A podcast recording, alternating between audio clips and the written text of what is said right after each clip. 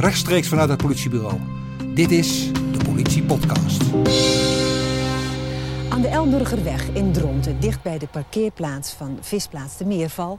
werd op 6 december het vermoorde lichaam van een jonge vrouw gevonden door een groep jagers.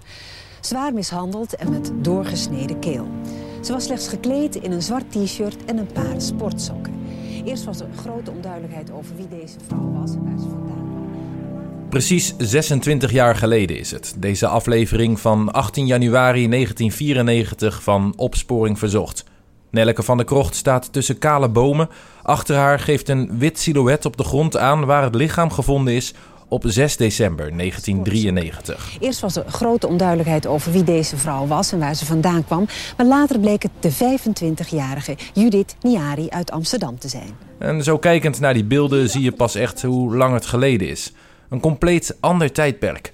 En wie heeft dat daarna nog gezien in Hoogkatrijnen in Utrecht of elders? En wie herkent iets van de spulletjes uit de plastic zakken die ze bij zich had? Anders is het voor Sandor Niari. Het is zijn zusje Judith die daar tussen de bladeren gevonden werd door jagers. En voor hem lijkt de tijd stil te hebben gestaan.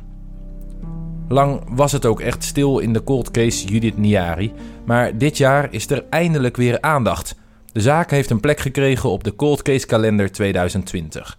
Op deze kalender staan elk jaar 52 zaken uit het hele land die nog steeds wachten op een ontknoping.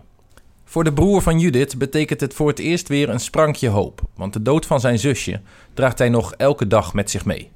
Het, eh, het tekent mijn leven tot op de dag van vandaag. En het is eh, ja, dusdanig belangrijk voor mij dat het wordt opgelost. Dat ik er eigenlijk alles voor over heb. Meer uit mijn gesprek met Sandor hoor je zometeen in deze eerste aflevering van de politiepodcast over de zaak Judith Niari. De kans is groot dat het niet bij deze ene aflevering blijft, maar dat we binnenkort meer gaan delen uit deze zaak. En daarom zeg ik nu alvast: wil je op de hoogte blijven? Abonneer je dan op deze podcast. Dat kan door ons te volgen, bijvoorbeeld in Spotify, Apple Podcasts of Google Podcasts. Mocht je iets weten over deze zaak, of misschien over de laatste dagen van Judith in de winter van 1993, dan horen we dat heel erg graag. Je kunt ons bereiken via 0800 60 70 of anoniem via 0800 7000. Je kunt ons ook helpen door deze aflevering te delen of door een beoordeling achter te laten in de podcast-app. Daardoor bereiken we meer mensen en daarmee wordt de kans groter dat we zaken oplossen. Maar nu eerst het verhaal van Sandor. Ik sprak hem afgelopen december in de dagen tussen Sinterklaas en Kerst. Een periode die voor hem niks meer met feest en gezelligheid te maken heeft. Voor hem is dit de periode waarin hij zijn zus Judith verloor. Een periode die hij nooit heeft kunnen afsluiten omdat er nooit antwoorden zijn gekomen. Dit is de cold case Judith Niari, aflevering 1. Mijn zusje.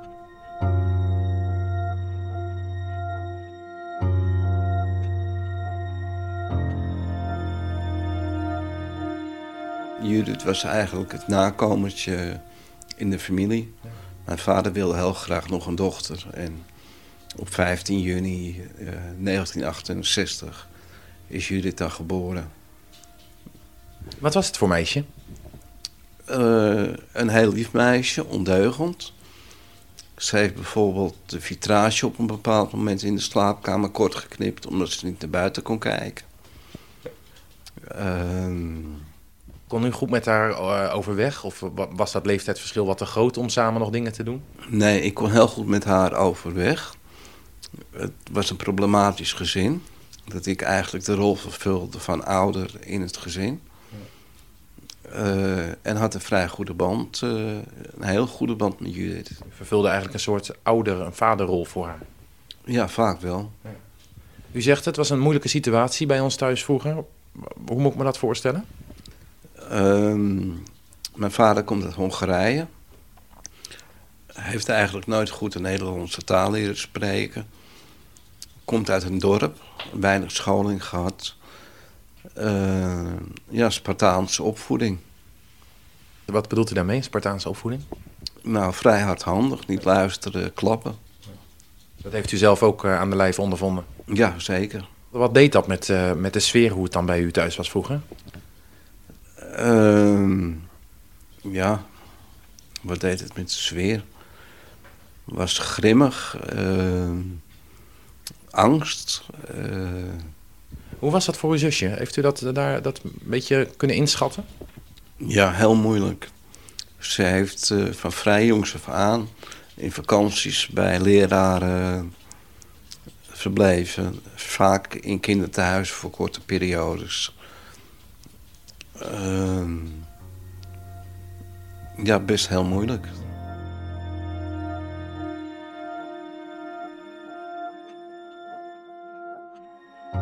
Het was zo instabiel eigenlijk thuis dat ze soms weg moest, ergens anders naartoe moest. Ja, absoluut. Raakt, eh, ging u dan met haar mee of, of wa- waren jullie elkaar dan even, even uit het oog kwijt? Of hoe, hoe moet ik me dat voorstellen? Nou, ik heb haar heel vaak naar kinderthuizen weggebracht. En ook weer opgehaald. Ehm, maar altijd wel contact gehouden. Maar op een zeker moment werd dan gedacht van, ze kan wel weer terug. Ja. Ja, tot de Raad van Kinderbescherming is ingeschakeld. Toen is ze voor langere tijd eh, uit huis geplaatst. Ehm, op welke leeftijd is zij echt, echt uit huis gegaan? Dat ze voor het laatst thuis verbleef? Eh, Twaalf jaar. Hoe was zij toen? Want eh, hè, dan is het geen klein meisje meer, dan is het een, een, een, een jonge puber. Eh, hoe stond zij in het leven? Vrolijk, zelfstandig. Ehm, ja. Ze ging haar eigen gang wel. En ze vermaakte zich ook wel. Ze is toen op die eh, 12-jarige leeftijd dus vanuit huis vertrokken. Waar is ze toen heen gegaan? Toen is ze naar Kolhoorn gegaan. Een plaatsje bij Schagen. Daar was het grootste pleeggezin van Nederland. En daar heeft ze een paar jaar verbleven. In een eh pleeggezin dus. Ja, op een boerderij. Hoe vond ze dat? Ehm, nou, niet zo leuk. Ze had nogal moeite met de regels. Eh, die waren vrij strak. En eh, ja, was best af en toe verdrietig. U bent daar toen, ehm, eh, ja, hebben jullie wel contact kunnen houden toen of was dat, was dat lastiger die tijd? Dat was lastig. We hebben wel contact gehouden via de telefoon. eh, waarin ze mij niet alles verteld heeft. Ik heb gelukkig eh, een dagboek van haar. Waarin dingen terug te vinden zijn dat het niet zo leuk was. En dat ze ruzie had met de eh, pleegouders. Dat vertelde ze u niet, maar u las dat later. Dat heb ik later eh, na de moord eh, gelezen. Ehm, ze heeft daar een aantal jaren gewoond, maar ook dat eh, stopte na een poosje. Ehm, waar is ze toen terechtgekomen? Toen is ze weer teruggekomen naar Amsterdam. Hij heeft daar een woning gekregen. Dan heeft ze tijd gewoond. En is toen eigenlijk het verkeerde pad opgegaan. Wat bedoelt u daarmee, het verkeerde pad? Eh, drugsgebruik. eh, verkeerde vrienden. Heeft u dat zien gebeuren, dat, dat, dat, dat drugs in haar leven kwam? Nee, heb ik niet eh, gezien. Wanneer kreeg u dat door, van er, klopt iets niet? Eh, toen ze minder in contact maakte en probeerde mij te ontwijken. Want voor die tijd hadden jullie gewoon op zich een open band. En daarna werd dat, werd dat minder eigenlijk. Ja, zoals met kerst, verjaardagen waren we altijd bij elkaar. En dat werd eh, minder. Veranderde ze ook qua persoonlijkheid of was dat, was dat moeilijk te zien eigenlijk? Het was moeilijk te zien. Ze heeft toen met haar toenmalige vriend een huis gekocht. In Bovenkarspel of Hoogkarspel, dat weet ik niet meer. Ehm, daar zijn ze ook weer weggegaan. En weer in Amsterdam terechtgekomen. Uiteindelijk is ze zelfs in de prostitutie terechtgekomen. Heeft, heeft u dat, ja, dat heeft u waarschijnlijk ook niet zien gebeuren. Ehm, hoe, ontdekte u dat? Nou, ik had een. eh, ik werkte als taxichauffeur. En eh, haar werkterrein was onder andere achter het Centraal Station. En daar kwam ik ook regelmatig langs. En daar heb ik haar getroffen. Zo ontdekte u dat, dat ze daar stond. Ja, zo ben ik erachter gekomen. Wat deed dat met u? Ja, het maakt je wanhopig. Het is iets wat je niet wil. Ik heb toen met mijn ex ook overlegd om er in huis eh, te nemen. En de deur op slot. Maar ja, dat, uit ervaring weet je eigenlijk dat het geen zin heeft uh, gedwongen afkicken. Hier achter het Centraal Station in Amsterdam aan de De Ruiterkade was Judith werkzaam als heroïneprostituee. Bekend is dat ze zelf ook af en toe dealde. Ze had geen eigen plek waar ze woonde, maar zwerfde met de weinige spulletjes die ze had van adres tot adres. Ze verbleef vaak in een caravan op het zogenaamde nomadenkamp aan de Gevleeweg in Amsterdam. Ze had contact met andere verslaafden en mensen uit het criminele circuit van Amsterdam en omstreken. Die periode uh, dat zij in de prostitutie werkte, heeft een paar jaar geduurd. Um, was er toen nog wel enig contact of was dat, was dat heel moeilijk in die tijd? Uh, heel weinig contact. Als ik belde, werd het niet opgenomen. Als ik aan de deur stond, werd het niet open gedaan. Terwijl ik wist dat ze wel thuis was, omdat ze ook honden had. En die hoorde ik. En, uh, zag ook wel het gordijn bewegen. Zocht ze, nog, zocht ze nog wel eens contact met u of met, met, uh, met familie, uh, andere familieleden misschien? Mm, andere familieleden niet. Met mij wel. Dan kwam ze wel eens langs. En vertelde eigenlijk dat het niet zo lekker ging met haar. Ze had het er zelf echt ook moeilijk mee dat ze in die situatie terecht was gekomen. Ja. Ze was ook regelmatig met haar honden achter het centraal station in Amsterdam. En dan werkte ze niet, maar dan zat ze daar eigenlijk. Ja. En uh, uw ouders, ik weet niet hoe dat. Uh, de, de, de, jeugd was moeilijk, dus ik kan me voorstellen dat dat misschien ook een hele moeilijke relatie is geweest. Was daar nog enig contact van Judith naar uh, jullie ouders toe? Nou, naar mijn vader niet, naar mijn moeder wel. Ze heeft een poosje in een caravan gezeten in Velsen. En als er geen vervoer meer was naar Velsen s'avonds, dan ging ze naar mijn moeder toe. Uh, daar zat ze. En ja, mijn moeder die kon daar ook niet meer tegen op een bepaald moment. Hoe is dat toen verder gegaan?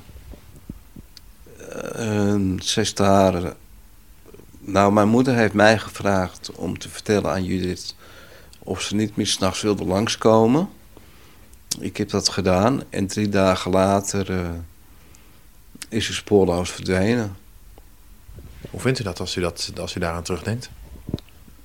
Nou, dat doet me heel veel pijn dat ik dat gezegd heb. Ze heeft daarvoor nog een poosje in het ziekenhuis gelegen.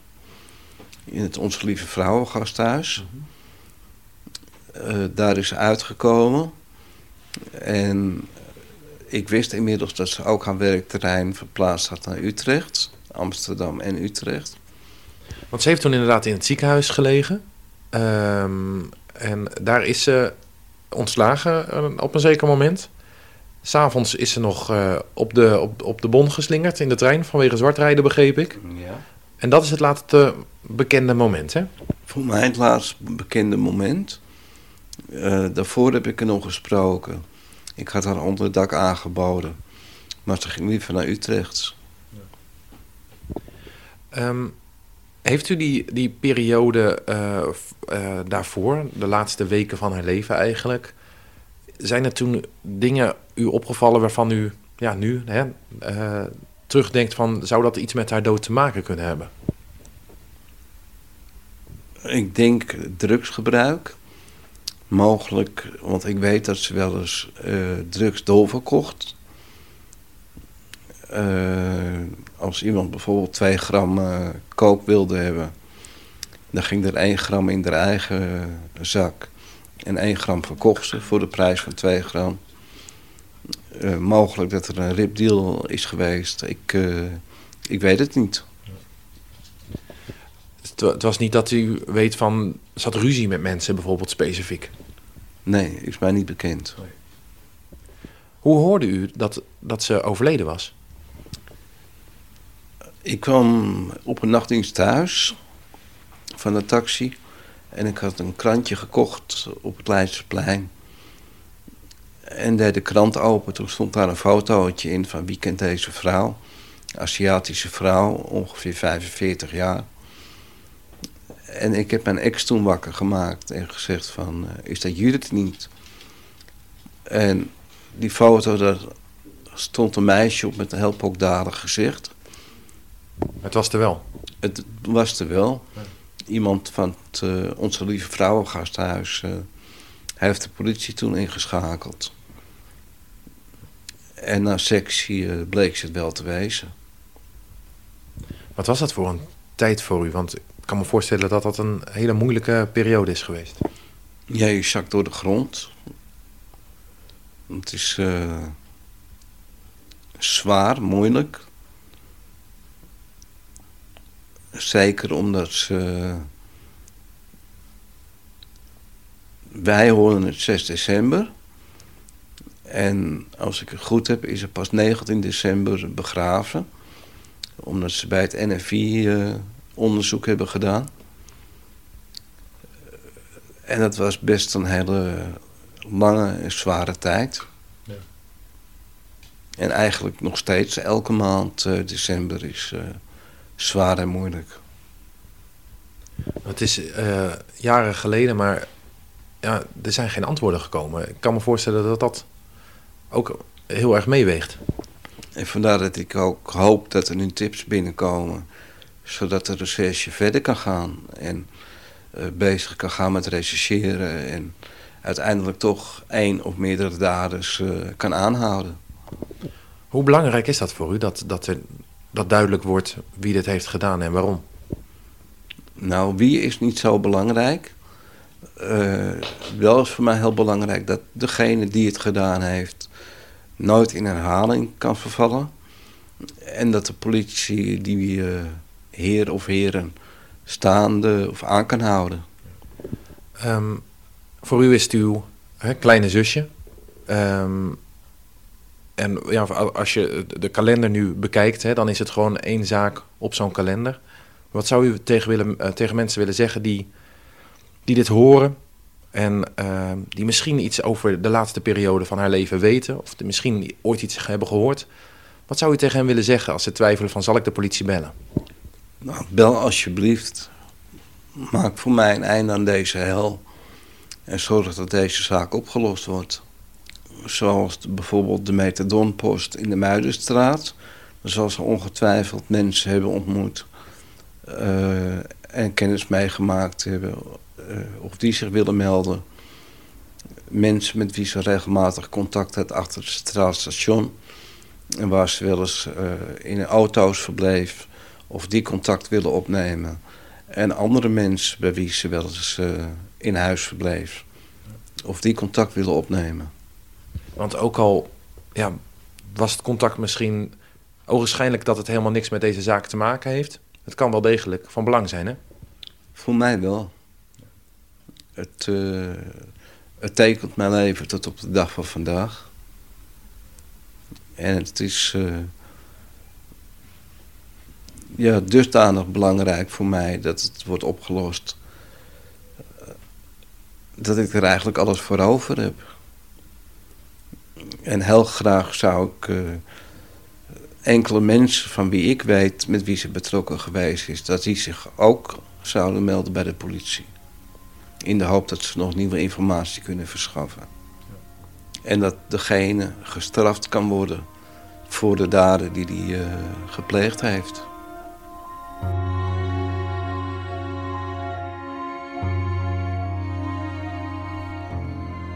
Je hoorde Sandor Niari over de moord op zijn zus Judith. De zaak staat op de nieuwe cold case kalender in de hoop dat er nieuwe tips komen. Wil je op de hoogte blijven van deze zaak? Abonneer je dan op de politiepodcast. Je krijgt dan automatisch een melding als er een nieuwe aflevering beschikbaar is. Je kan helpen bij het zoeken naar antwoorden en dat heb je al gedaan door te luisteren en mee te denken. Laat het ons ook weten als je je iets herinnert. Het kleinste detail kan van belang zijn. Je kunt het rechercheteam tippen via 0800 60 70 en ook anoniem op 0800 7000. Je kunt ons ook helpen door dit verhaal te delen, bijvoorbeeld op sociale media en met ons mee te denken over deze zaak. Wil je reageren op deze podcast? Dat kan natuurlijk ook. Bijvoorbeeld per mail naar podcast.midden-nederland.politie.nl of via Twitter gebruik dan de hashtag politiepodcast. Ook een beoordeling achterlaten stellen we erg op prijs, want daarmee kunnen we weer meer mensen bereiken. Voor nu bedankt voor het luisteren en heel graag tot de volgende keer. Dag!